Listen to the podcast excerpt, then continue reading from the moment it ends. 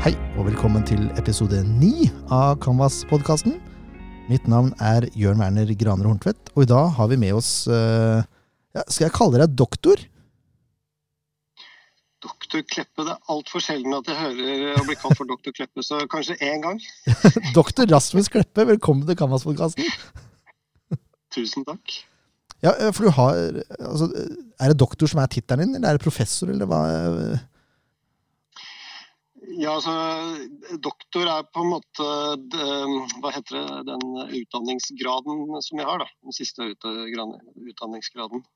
Så, men eh, doktor er jo ikke sånn Det er jo ikke noe stilling. Det er jo ikke um, det er jo ikke det samme som en lege, f.eks. Så eh, det er litt forvirrende, egentlig. Det er, eh, ja, bare benevnelsen på den siste, siste utdanningsnivået man kan ta.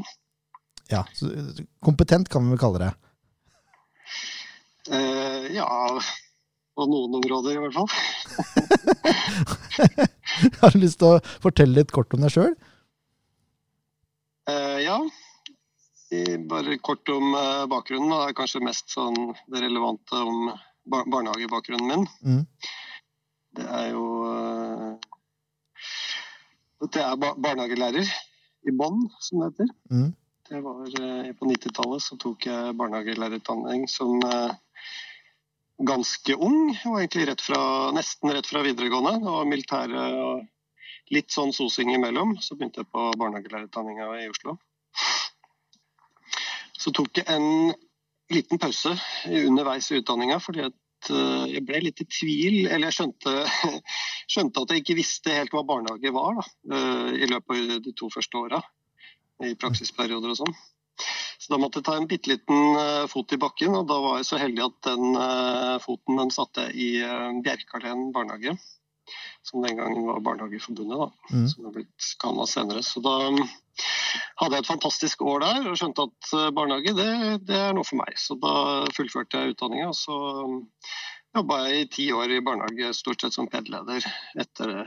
Um, så jeg har tatt en master, og så har jeg jobba med litt forskjellig. Og så ble det doktorgrad da i Vi starta på doktorgraden i 2014. Mm. Og ble da doktor. doktor Kleppe i, um, i 2018. Eh, Fantastisk. Og du, du er forsker òg, kan, kan, man si det? Ja, altså det som er litt sånn forvirrende Når du spurte om det med professor, så er det jo sånn ja, blir man professor? Det, det er jo en stillingskategori på i universitetssystemet. Så det er jo Eh, det er riktig, og det, Stort sett så blir man bare professor hvis man har doktorgrad, men det finnes jo en del professorer rundt omkring som ikke har doktorgrad, så det, det går, går, fint. Eller eh, i hvert fall frem til nå så har det vært Det er, det er litt ulike veier til å bli professor. Mm. Men det jeg gjør nå, da, stillings, eh, stillingskategorien min på, i universitetssystemet, er jo det som heter førsteamanuensis. Så det er liksom tilsatt med doktorgrad. da. Og, og, det innebærer gjerne litt forsker. Så men jeg underviser jo også, og så jobber jeg jo Eller arbeidsgiveren min er jo Canvas, mm. så jeg blir bare leid ut, leid ut som førsteamanuensis. Så, så da er det stort sett forskning og utvikling som jeg holder på med, og så litt undervisning for barnehagelærerne. Riktig. Ja, for du er også med i Canvas kompetanse, er der basen din er? Det er basen. Mm. Og Canvas er arbeidsgiveren min. Så, og det er Canvas kompetanse med Lene som nærmeste sjef, som er, um, er den uh, hva heter det, enheten, avdelingen, som hører til i administrasjonen. Riktig. Eh, men Rasmus, Vi skal ta utgangspunkt i din forskning og, og doktorgrad, og dagens tema er da risikofylt lek i barnehagen. Eh, hva er egentlig risikofylt lek, og hvorfor er det viktig for barn å kunne leke denne type lek? Ja, det ordet risikolek eller risikofylt lek det har dukka opp sånn gradvis i forskninga på 2000-tallet en gang. Så det er jo litt sånn Det er vanskelig å dele inn lek i utgangspunktet. Snakka om lek litt tidligere i podkasten, og selvfølgelig er det noe vi snakker om mye i barnehagen. Bare som sånn ulik type lek. Det er, det er liksom vanskelig å avgrense lek i utgangspunktet. Så mm. Så det, det er enda vanskeligere å liksom si at ja, dette handler om risikofylt lek. Men noen av oss da har vært eller syns det er spennende å, å liksom dykke ned i sånne ja, kanskje helt spesifikke områder som barn holder på med. Og Mm. da, da er det noe som vi kan kalle for risikofylt lek. Og det er da når barn frivillig oppsøker eh, litt eh, fare eller spenning. Et eller annet litt sånn uvisst. Som, og fra, sett utenfra da at eh, at eh, åpenbart at barnet utfordrer seg litt, at barnet opplever litt spenning. Eller at det faktisk er en sånn det vi kan kalle for en objektiv risiko da, for å skade seg eller slå seg. Så det er ja, noen sånne kriterier da vi prøver å avgrense det med. Og det er jo det er jo veldig vanlig å holde på med. Vi driver jo med det resten av livet, gjerne. Um, eh, I forskjellig grad. Mm. Noen av oss liker mye spenning, og noen andre liker mindre spenning. Så det er en veldig sånn subjektiv ting, hva vi opplever som spennende. Mm. Men det er åpenbart at det gir oss noe, da. At folk eh, klatrer i fjell, klatrer i tjærag, opp stupbratte eh, fjellsider eh, uten noen form for altså, eh, Veldig få som blir betalt for det, eller eh, ja, Vi gjør veldig mye som er, der motivasjonen er bare selve aktiviteten. Da. Mm. Og det er typisk sånn Det er jo noe som er veldig sentralt for lek, er jo det, det som vi kaller for den egenverdien. At um, det er noe vi gjør bare pga. aktiviteten i seg sjøl. Ja. Så, så sånn sett så er det viktig bare, bare det i seg sjøl. Så når barnet har interesse for det, så er det litt sånn at ja, da skal vi jo respektere det. Altså Vi skal ikke la barn utsette seg for, for stor fare, men når barna faktisk ønsker å ha litt spenning eller litt fare i livet, så, det, så skal vi liksom følge litt ekstra med, for da, da er det et uttrykk for noe barnet sjøl vil. Det er viktig at barna får lov til å utfolde seg sjøl. Men er det noen kategorier du kan dele det inn i, f.eks.? Ja, eh, Ellen Beate Sandsæter gjorde det da når hun forska på dette her i, på slutten av 2010-tallet. Mhm. Så hun delte det inn i, i ulike risikokategorier da, for å tydeliggjøre ok, hva er det denne hva er det faren faktisk består i, sånn at Mhm. det skulle bli lettere å observere og også si noe om hva barnet var interessert i. Da. Sånn at eh, de, de kategoriene som hun kom opp med, var jo da høyde mm. og fart og farlige verktøy og det som hun kaller for i, i nærheten av farlige elementer. Altså at man leker i nærheten av vann eller, eller bål, altså flammer på en måte. Sånn min verre enn annen fare. Og så har hun jo da dette med boltrelek og lekeslåssing, som jo kan medføre en skade hvis de, de drar på eller bruker eh, pinner eller sånn i, i medleken. Og Mm. så um, har hun også en kategori som, som handler om at barn stikker av og gjemmer seg bort, da, som innebærer en fare. Eh, Faktisk. Også når jeg eh, gjorde mitt eh, prosjekt med litt yngre barn, så la jeg til en kategori som handler om krasjing. At barn krasjer seg selv eller eller en gjenstand inn i, inn i veggen, eller inn i at de krasjer med, med hverandre. og sånn. Som, som ja, jeg, jeg så i hvert fall at de yngste gjorde, gjorde det en del, og at de ansatte rundt dem da reagerte på det. og da tenkte jeg her er det en det er ikke en stor risiko, men det, men det er åpenbart noe, noe. Og det er klart at det, innebærer en viss en liten form for skade. Mm. Og så så jeg også at disse yngste barna, da, de, noen ganger så satt de og så på andre barn lekte. Og det eneste gangen de så på andre barn leke, var hvis de andre barna lekte risikofylt på en eller annen måte. Mm. De hoppa på ski eller sånn. Jeg så aldri barn sitte og se på andre barn leke andre ting. Det kan sikkert, sikkert skje, det også, men det vi vet sant, om denne Altså det å se på andre ta risiko, det gir oss jo noen ganger nesten den samme følelsen av spenning. Mm. Det fins jo en hel eh, filmsjanger som er bygd opp rundt det. At vi, vi faktisk klarer å leve oss inn i en film så mye at vi blir redde. Og noen er åpenbart veldig glad i det. og blir skremt. Ja, de, de om det. De, sitter, de om det, ikke sant. Og sitter ytterst på stolen og ser skrekkfilm etter skrekkfilm. Det er helt uforståelig for meg, men, men jeg liker jo for så vidt å se på annen type risikotaking. Altså sånn Jeg sitter jo og ser på, på sånne YouTube-videoer av sånn proximity flying, som det heter. Sånn eh, fallskjermhoppere som hopper ut fra basehoppere som mm. flyr eh, så nært som mulig fjellveggen og sånn. Det er helt, helt, fantastisk. Og da det er sånn at det kiler i, i, magen bare å se på det. Så da det kalte vi da for vikarierende risiko, som er tenkte at det er fint å ha med i barnehagen, for det er noe med at barn er sammen med ulike barn. og de, de har, En ting er at de skal få lov til å erfare litt ulike ting, men det er ikke alltid vi klarer helt å sette ord på det. Så det å få lov til å se på andre barn som gjør noe annet enn det du sjøl tør, f.eks., det har en verdi. Da. Mm. Da, med, da, ble det åtte sånne kategorier av risiko som vi bruker videre da, i forskningen.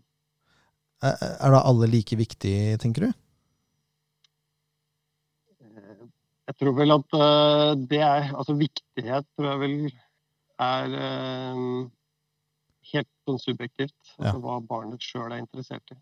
Men vi vet jo litt om hva hyppighet, da, hva som forekommer mest. Og høyde er f.eks. typisk noe som Og det kan kanskje noe med tilrettelegging å gjøre. At det er noe barn Altså det å klatre og komme seg litt opp i høyden, det er populært. Og det er i hvert fall ganske av de, alle disse kategoriene, så er vel høyde og lekeslåssing antageligvis de vanligste. ja, kjenner meg igjen. Ja. Men eh, altså, så leker Du ser for deg noen, eh, noen i barne, barnegruppa di, eller? ja, det er ikke noe problem. Også dette mm. med, med å krasje. Vi har, et ja. gjerde, i barnehagen som er veldig populært å sykle inn i. Ja, det da. Da har gjerdet en bra funksjon. Absolutt. Ikke bare å sperre deg inne. Liksom. Nei, da er det ikke så mye institusjon. Da er det faktisk en del av leken. ja. Eh, men i forhold til det med slåssing og sånn, jeg regner med at det er ganske nært for mange også. Er det noe man bør oppfordre til, på en måte? Ja det er, jo, det er jo litt sånn balansegang alle disse altså Når vi ser på de kategoriene og, og tenker på risikofylt lek generelt, så er det ganske, skal det sikkert være ganske varsom Litt mer varsom enn med andre lekeformer, liksom, da, og, og, mm. oppfordre barn. Og hvis man tenker på liksom, å, å, pushe de litt altså Hvis vi tenker på um, at vi gjerne skal ja, gi barn liksom, nye utfordringer og sånn, snakker vi om i språkutvikling eller sosiale ferdigheter. altså Hvis vi skal prøve å få barnet til å lære noe, så skal vi gi det en liten utfordring. Mens det er klart det er, her er balansegangen enda vanskeligere. Mm. Men øh, akkurat når det kommer til slåss, lekeslåssing da, og, og boltrelek, så er jo det kanskje en lek som øh, sånn, vanligvis, eller i hvert fall litt tilbake, så ikke har vært en så veldig populær lek innendørs, i hvert fall. Mm. Eh, det blir gjerne mye støy, og man tenker at det blir mye konflikter og sånn av det at når jeg holder, har undervisning eller holder foredrag om akkurat den, da, så pleier jeg å vise litt video og snakke litt om alle de positive sosiale effektene det har av å lekeslåss. Mm. Og, og, så da pleier jeg å utfordre de som hører på, da, og spørre liksom, ok, hvis det alltid blir grining av den lekeslåssinga, hva gjør du da? Vanligvis da, så gjør det jo det at da slutter vi bare med det. altså det der, sier bare, Nå orker jeg ikke mer. Mm. Mens hvis vi tenker på andre hvis det er andre ferdigheter som barnet ikke klarer, så, så, tenker vi ikke sånn. Da tenker vi ikke at ja, det der skal vi ikke gjøre mer. Hvis barnet sliter språklig, så er det ikke sånn at vi slutter å snakke at de ikke klarer det.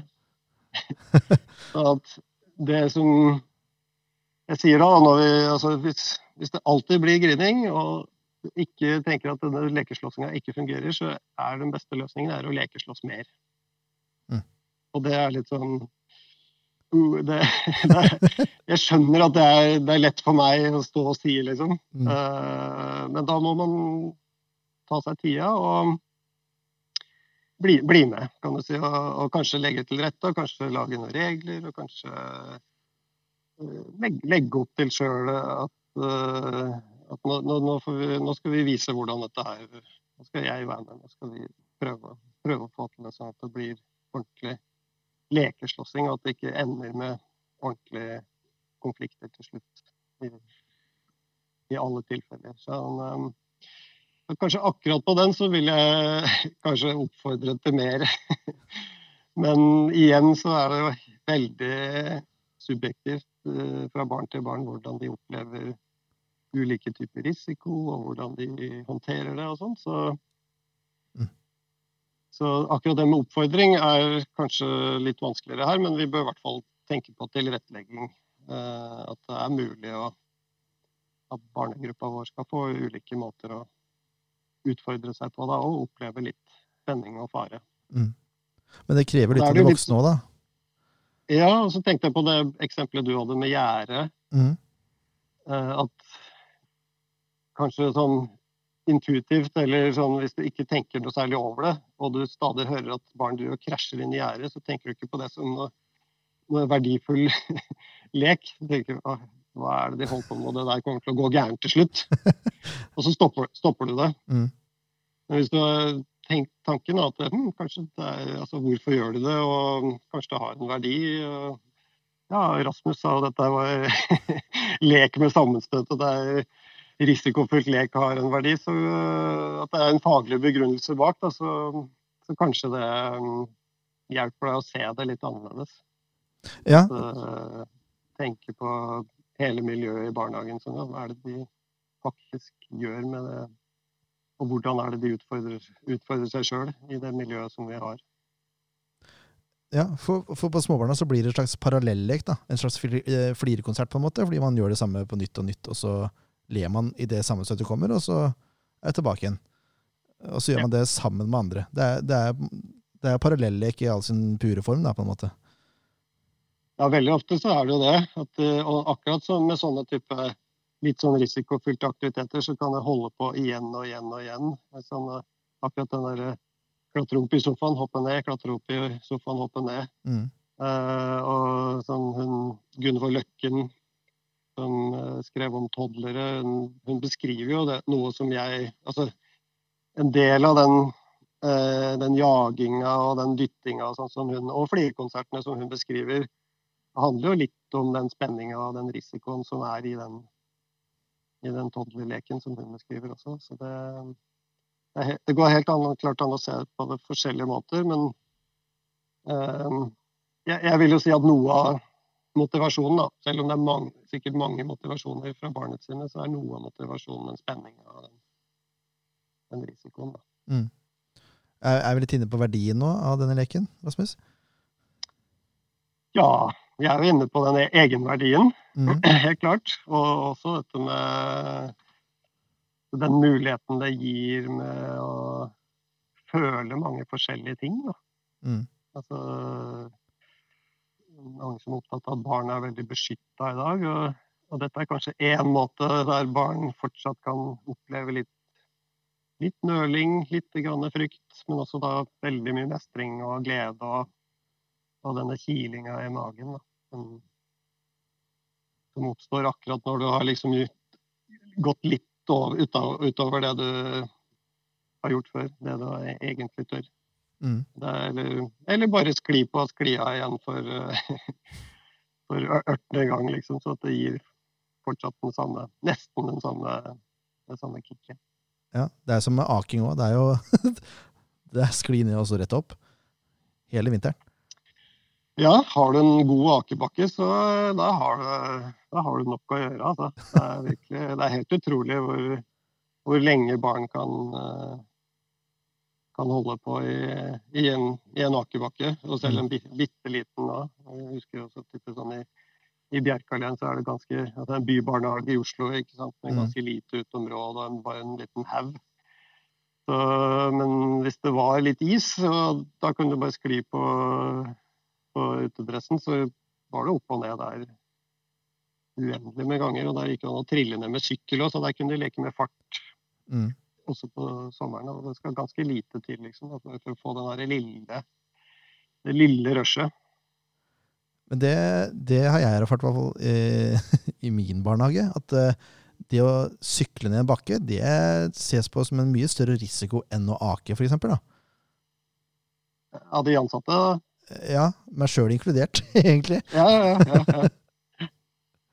Ja, da, Og da reagerer du? Da, eller da, da, vil du stoppe det helst? Eller, ja, da, det, er første, det er første reaksjon. At nei, den sykkelen skal gå på den bakken der. Ja. Men er det normalt, på en måte? Er det sånn det har blitt? Eh, ja, altså Det er jo normalt Altså, Vi er jo nok, vi er litt engstelige, vi voksne. Vi er det, og det er, vi har kanskje blitt litt engsteligere. Det er jo en del tegn på det i barnehagen i hvert fall. Vi er jo en institusjon, og liksom barnehageinstitusjonen har blitt mye mer sånn formalisert og HMS-rutiner. Altså, jeg jobba jo da første året mitt i 96, så jeg, jeg, jeg syns det er ganske stor forskjell. Mm. Og det er, altså, det er, veldig mye bra med et ordentlig godt HMS-regime. Altså, vi, skal virkelig, vi skal ta vare på barn å unngå alvorlige skader. Mm. Mens i barnehagen så er det litt viktig at vi vurderer altså vi gjør pedagogiske vurderinger også. Altså vi kan jo fint klare å unngå null skader. Det er jo bare å sette barna i tripp-trapp-stolen, det, og så la de sitte der. Mm. Så, men at, at, du har sånn magefølelse, reagerer sånn intuitivt når barnet går opp og tar med sykkelen opp. Så, ja, uten å dra liksom nødvendigvis en historisk parallell, så er, jeg vil jo si at det er selvfølgelig vi, vi reagerer jo med at vi skal passe på ungene, at de ikke, at de ikke skader seg. Men da kanskje hvis vi klarer å stoppe opp da, og tenke hm, ok, hvordan, altså, Da er det åpenbart at barnet er interessert. Det mm. går opp der og vil trille ned. Så Da må vi tenke ok, hvordan kan vi gjøre det sånn at den sykkelturen eller trillinga og den leken med fart, da, at det blir sikkert nok. Mm. Og så at vi kan, at vi tåler å akseptere noe småskader. At vi at vi klarer å, å, å snakke med foreldre og, og, vi, og, kjenne foreldregruppa vår, sånn at, vi, at om det oppstår skrubbsår og små slagskader, så, så, klarer vi å formidle det at det er, det er umulig å ha aktive, fysisk aktive barn uten at det oppstår småskader. Mm. Har, har, vi blitt for overbeskyttende? Um, kanskje ikke i Norge, så tror jeg ikke vi er helt der ennå. Men um, vi vet i hvert fall en del om uheldige sider ved overbeskyttelse, da. Mm. Så, det, det, men det er forska på mer sånn i foreldreperspektiv. Hva, hva overbeskyttelse betyr. Og, så om vi er det som samfunn, det er litt Det er mer en sånn Ja, litt mer sånn overordna diskusjon som, uh, som vi ikke ja, Som er vanskelig å svare helt sånn konkret på. Men vi vet jo det at det er lurt å lære seg å håndtere litt motstand. da. Mm. At um, hvis du blir hvis du blir overbeskytta av foreldrene dine, så innebærer det at du møter veldig, veldig få utfordringer som du faktisk egentlig kan håndtere. Mm. Eh, og at det er liksom viktig at barndommen og opp, i, opp igjennom at vi liksom gradvis lærer oss å håndtere litt, litt motstand. Da. Litt og litt. Mm. Og at, vi, at det ikke får helt sjokk når vi på et eller annet tidspunkt må. må. nei, for... Så, um, ja, nei, nei du, bare fortsett, du. Det er jeg som avbryter. Nei, det er uh, det er vel eh, altså i, i, Norge og norske foreldre, barnehageforeldre, er, eh, er fortsatt ganske åpne for, for nettopp den biten der. Altså selvstendighet og at barn skal være ute, ikke minst. Og, og hva det innebærer. Da. Vi, har, vi tenker at da, der skal det skje litt fysisk aktivitet, og, og barna skal få lov til å, å prøve seg litt. Så, så er, er, vi, er nok ikke barnehagen norske barnehagen er nok ikke overbeskyttende. Men um, det er klart vi vi foreldre vi har få barn, og vi bryr oss veldig om Og har veldig mye tid og ressurser til å bry oss om de barna vi har. Så, så vi gjør kanskje litt uh, vi, vi, kan nok uh, dra det litt langt. Da. Gjøre ting for barna våre og passe, passe på litt, litt, for mye, kanskje. Ja, Så blir det på en måte en bjørnetjeneste? Blir en litt bjørnetjeneste. Det er et godt ord. Mm. Men nå er vi inne på voksenrollen. Hva, hva er som er viktig for oss som jobber i barnehage i forhold til samspill i risikofylt lek? Ja, det er litt sånn som jeg sa, det er kanskje en, en van, nesten litt sånn vanskeligere balansegang der enn i annen type lek. Men jeg tenker jo det viktigste, og som er en kjempeverdi i, i barnehagen, er at vi etter hvert vi kjenner barna veldig godt. Mm. At vi, liksom, vi, vet litt om interessene deres, og vi vet litt om toleransen deres for hva de er Hva de kan eh, hva de kan klare sjøl, og hva de eh, kan utfordres bitte litt på. Da. Mm. Og jeg har jo vært eh, opptatt Eller jeg, min hovedforskningsinteresse har vært yngste. Og at det er liksom veldig sånn små ting som Også på risikonivå, liksom. Det er ganske, det er ganske lavt nivå. som som, som, gir litt kiling i magen til de aller yngste. Mm. Sånn at uh, det er ganske sånn finstemt. Så um, jeg tror vel at uh, den der nærheten, og at vi er at, vi er, at i hvert fall innimellom da, er liksom veldig nært på barna. Om de er i en liten tullete lekeslåsskamp, eller at de, at de prøver å klatre opp et sted som de ikke har gjort før. Så da liksom, det er, det er poeng å være nært på og følge med og, og, og prøve å liksom gi akkurat passe støtte. da. Mm. Og Det eksempelet som jeg har brukt noen ganger, er jo det barnet som jeg skal klatre opp på en liten stein, eller, og som kanskje er litt sånn ustødig gåer. Nå er jeg liksom på ett, en ettåring. Mm. Et, eh, noen måneder som akkurat er, er blitt ganske god til å gå, men som allikevel liksom Hvis du ser for deg en litt sånn rund storstein, som jo er nesten halve høyden til denne ettåringen, klatrer opp der. Og så strekker han ut hånda for å få hjelp til å reise seg opp, da. Mm. Og da er jo reaksjonen er kanskje å gi fingeren, liksom, og så bare gi akkurat den lille pushen som den trenger. Hvis jeg strekker ut hånda, signalet er at 'hjelp meg litt her nå', nå, mm. nå trenger jeg hjelp. Men da er det jo liksom Da kan du jo vurdere ah, Skal du bare gi blikket? Skal du bare se du klarer det, du klarer det sjøl mm. og holde igjen fingeren. Eh, eller er det liksom Vil da barnet gi seg og klatre ned igjen? Og om du da kan du prøve å oppmuntre barnet. Ja, du klarer det. Men det er liksom Det er på det nivået, da. Altså så, så finstemt, liksom. Så det er klart, i en barnegruppe med, der det skjer masse og sånne ting, så kan du jo ikke være der hele tiden. Men for min del, da når jeg jobba med ettåringer, så syns jeg at akkurat de øyeblikkene der da, var fantastiske. Om det var med risiko eller om det var med andre ting. At jeg klarte liksom å tilpasse akkurat da. Og hvis barnet da klarte å reise seg opp og så på, og vi utveksla blikk og skjønte at dette er kult, dette, dette var gøy. Mm. Nå står du alene på den steden, liksom, og jeg stoler på at du klarer det. Så, eh, det er det syns for meg da var virkelig verdien av å, å, jobbe i barnehage og komme så tett på sånne enkeltøyeblikk og oppleve noe sammen. Ja, for der er det også ganske stor forskjell på voksne. For jeg tror jeg kan virke litt kynisk der. For jeg, jeg løper sjelden bort for å hjelpe et barn opp, men jeg møter dem i blikket og sier eh, 'opp igjen'. Eller den type ja. ting. da. Jeg har lært meg, jeg lært meg til å ikke si 'det går bra', for det kan jo ikke jeg definere. Men men, men, men, den type ting. Opp igjen. Og hvis ikke de klarer å klatre opp et sted, så uh, Nei vel, det er ikke sikkert du, du, er moden nok til å være der oppe, på en måte. Ja, det er jeg med på.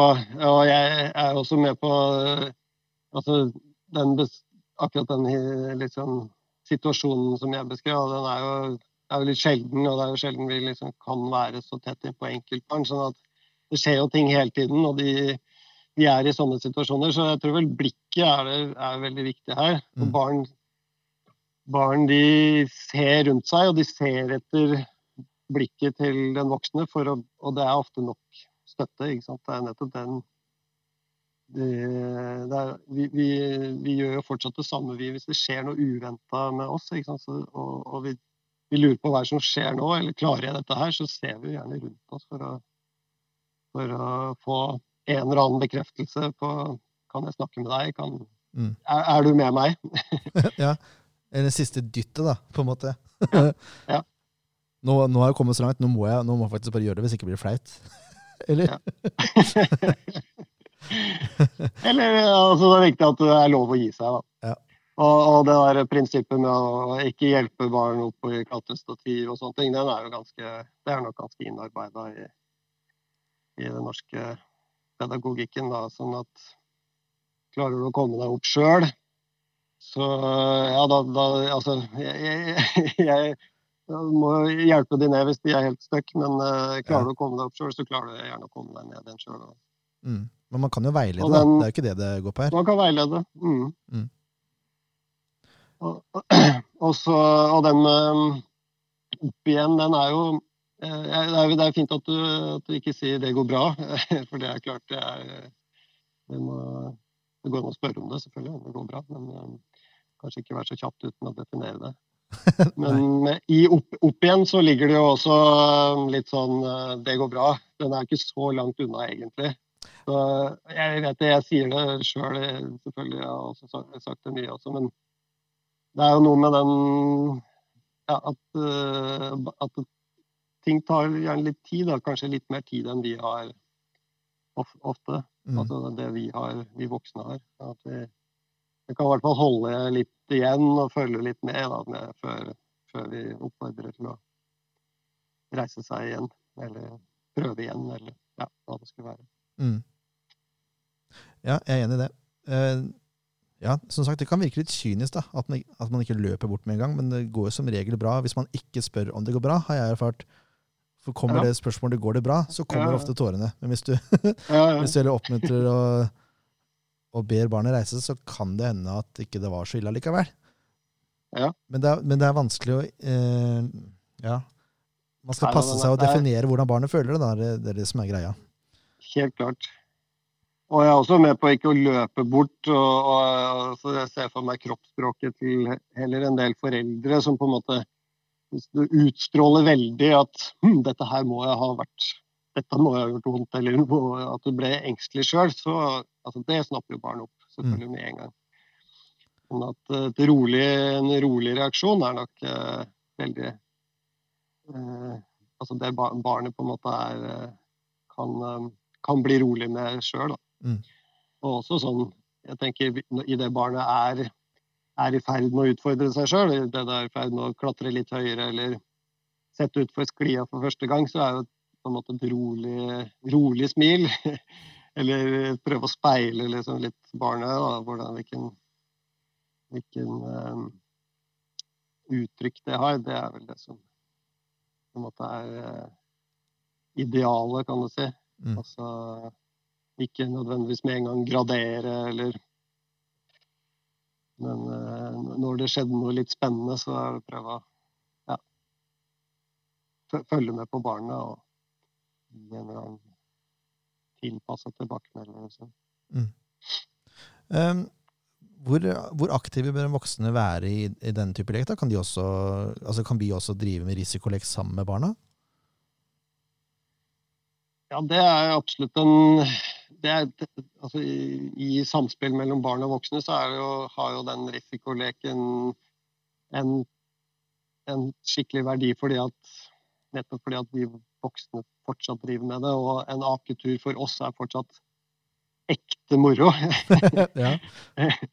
jeg sier ikke det at det er kjedelig å sitte i sandkassa, eller kjedelig å gå på besøk og drikke te for 14. gang, men helt personlig, altså, i hvert fall altså, Det er ikke det at jeg er altså, veldig sånn noe, jeg var ikke noe bajas i barnehagen, og sånne ting, men, men den derre lille Det å ligge på gulvet og, og, base litt og være litt eh, med på lekeslåssing, eller da gjøre disse akeaktivitetene eller klatre og sånn, det er virkelig noe som ja, som vi, jo, vi fortsatt driver med som voksne. Mm. Sånn at, um, og, og barn merker jo det når vi, når vi har det gøy sammen. eh, Og når vi gjør noe som At vi har et, en felles opplevelse da, Mm. som gjør at det er, er, er veldig det kommer nært hverandre. Vi blir kjent med barna, og barna blir godt kjent med oss. Når vi på en måte ja, opplever noe sånt sammen. Mm. Jeg vil eh, absolutt anbefale å på en måte finne, finne sånne aktiviteter som vi kan dele da, med barna. Mm. En ja, ganske, ganske sånn genuin måte, da. Uten å nedgradere andre typer lek. ja, for det Ja. For mye av alt eh, det blir jo for mye, som regel. Ja, ja.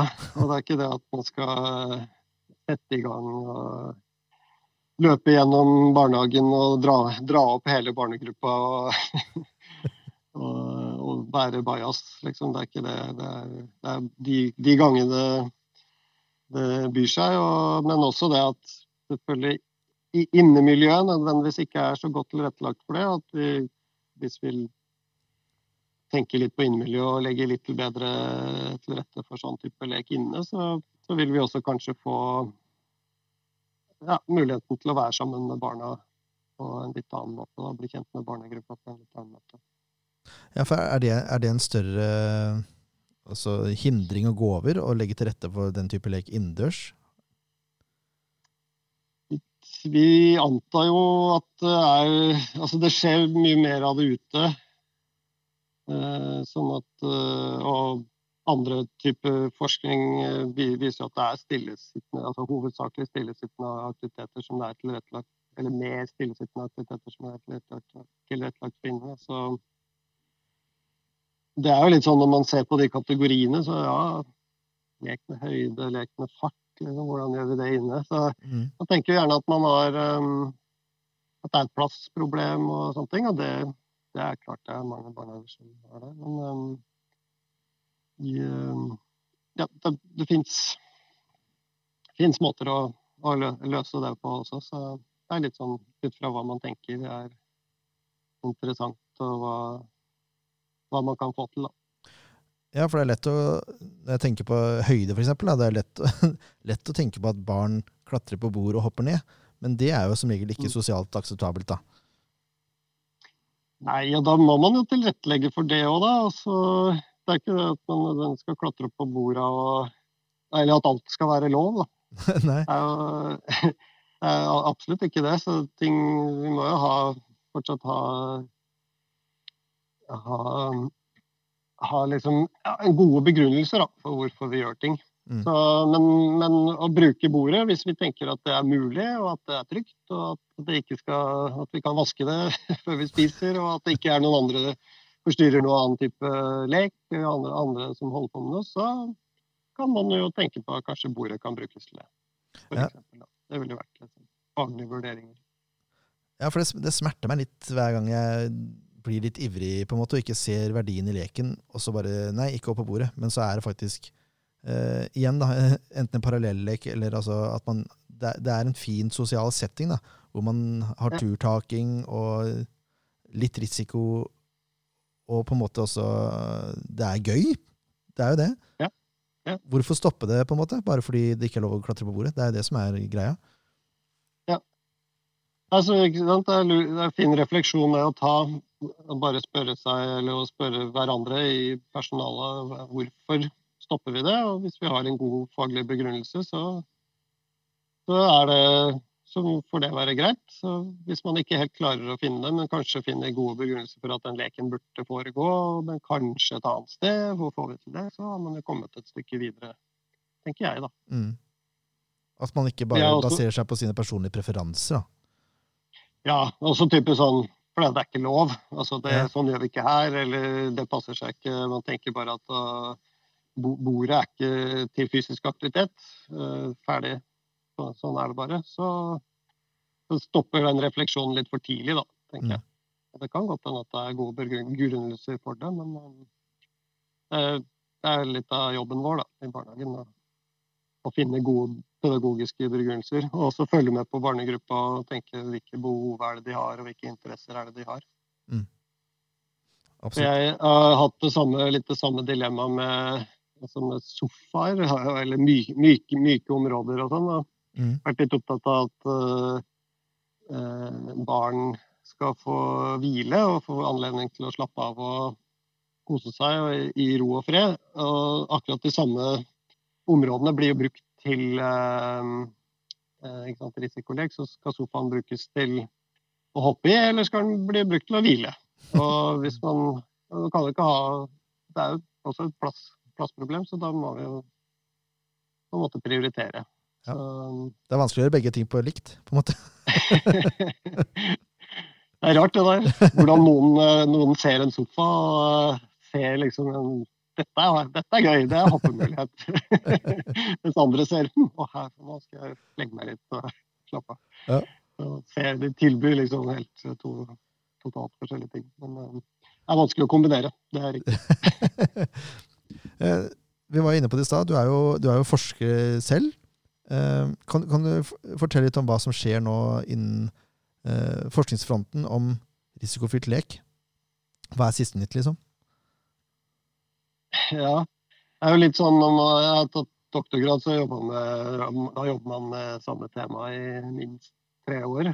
Så når jeg var ferdig med min doktorgrad, så tenkte jeg ja, nå, nå tror jeg jeg skal ta en liten pause fra, fra risikolek og den, det temaet der, da. Mm. Og så, jeg, så, er det jo mange spennende ting som skjer på forskningssiden eh, generelt. Og jeg har vært knytta til det Godband-prosjektet og kvalitet i barnehage og lært masse. Så jeg, så jeg har virkelig muligheten til å gjøre litt forskjellige ting. Mm. Men jeg ble jo en god kollega med veilederen min, eh, Ellen Beate Sandsæter i Trondheim, og det miljøet der oppe. Mm. Og de eh, forsker jo videre på, på, mye spennende. Så det dukker stadig opp eh, veldig spennende prosjekter som, er, som, handler om risikofylt lek, og som er umulig å si nei til. så, så nå kommer det snart Eh, eller i koronatiden da, så ble det veldig god tid for noen av oss å skrive, skrive ferdig forskningsartikler. Så forhåpentligvis så får vi publisert uh, tre artikler nå som går på risikofylt lek i, nei, i, i, i, barnehage. Men, uh, og da er det litt eldre barn, altså 36 år, så det var litt nytt for meg. Men um, der kommer det, De har sånne observasjonsdata, så det er kjempespennende. Um, resultater der på, på hvordan det henger sammen med, med andre faktorer, altså innemiljø, og også hvordan det henger sammen med barnas trivsel og hvordan de har det i barnehagen. Så det er veldig kult. Og så skrev jeg første, min første forskningsartikkel på norsk, som vi forhåpentligvis får publisert, ganske snart. Om risikolek i innemiljøet. Mm. Det, det, blir litt uh, gøy. Så vi får håpe at vi får antatt alle disse artiklene. Vi har, de har blitt liksom kommet inn til første review, som det heter. Men uh, det er ikke, vi er ikke garantert å få de publisert likevel. Det er ofte ganske strengt, strenge sånne som å gå gjennom eksamen, skrifteksamen hver, hver gang. Men, ja, så, og de har allerede publisert en veldig fin bok fra det prosjektet på, ved Dronning Maud. Mm. Eller som er leda av Sandsæter og Dronning Maud. Som handler om eh, det fysiske innemiljøet litt sånn generelt. Da. Og Der er det bl.a. et kapittel om uh, lekeslåssing av han Rune Storli. Så det, den boka vil jeg anbefale til alle. Og det er liksom helt rykende ferske forskningsresultater. Mm. Og, så, og så, har vi begynt med Det er helt, helt på idéstadiet, men vi Ellen Beate og en kollega i, i Canada har lenge, og, og, en kollega i USA har, har gjort et lite sånn prosjekt med virtual reality. Um, uh, teste barns risikovurderinger med, med sånne briller. Oi. Og at barn får, uh, får liksom være i en, i en sånn simulert uh, virkelighet og prøve prøve på små utfordringer der. For Det er et problem dette med å forske på risikofylt lek og effekten av det. For vi vil jo gjerne, når vi snakker om verdien, så, så det med at det vi kanskje ikke nevnte da, var det at vi, vi tror jo det, altså som med annen type lek, at barn leker jo ikke for å lære, men de erfaringene de høster i leken, de vet vi jo har veldig stor eh, altså konsekvens for, for, hvordan de har det, og hvordan de håndterer andre altså tilsvarende situasjoner senere. Sånn at de øver sant, på type risiko da, i en le lekende situasjon. Mm. Så, men det er veldig vanskelig å forske på, for vi kan jo ikke sette barn i sånne situasjoner der vi, der vi, tror at det er noe risiko. Så bare, liksom bare den, det, er, det er veldig vanskelig sånn etisk sett da, å, å, sette opp en sånn, sånne type eksperimenter med, med risikofull lek, og, og, da liksom senere en eller annen gang skulle finne ut om de lærte noe, eller og hva, hva, Spørsmålet er også hva, hva skal man undersøke? Altså, hva, hva, blir man bedre til? Det er også veldig vanskelig. Altså, skader de seg mindre? Blir de bedre til å vurdere risiko? Hvordan skal vi måle det? Mm. Det er kjempemye. Da har vi jo liksom når denne virtual reality-teknologien eh, har blitt bedre, da, så jeg tenker at det er jo etisk sett, i hvert fall innafor, hvis vi gir dem noen sånne små utfordringer. Og vi begynner jo også da med litt eldre barn, da. Mm. Men det er helt på idéstadiet, så vi er fortsatt på å søke midler og sånne ting. Men, eh, men bare å jobbe med ideen og jobbe med teknologitilbydere da, er kjempegøy. Så og lage liksom disse scenarioene sånn, så vi får se hvor langt vi kommer. Det hørtes kjempespennende ut. Ja, så det blir, det blir gøy. Hvis vi får det til, så skal jeg formidle, formidle villig vekk. Ja, det er nydelig. Det, det hørtes ja, som sagt veldig interessant ut. Og det er jo, som du sier, en perfekt måte å undersøke litt dypere i forhold til risikohåndtering enn å faktisk gjøre det i virkeligheten. ja, ikke sant. Da kan vi i hvert fall si at det er eh, innafor trygge, trygge, rammer. Mm. Veldig spennende. Du, vi, Nå begynner tida å løpe litt fra oss her. Det her gikk fort, syns jeg. Ja. Eh, kan, kan, vi prøve å oppsummere litt, Rasmus? Hva, hva er det viktigste å, ta med seg nå eh, i det videre arbeidet for oss som jobber i barnehage? For at barna skal få støtte og faktisk kunne leke litt sånn risikofylt lek på en, på en sikker måte?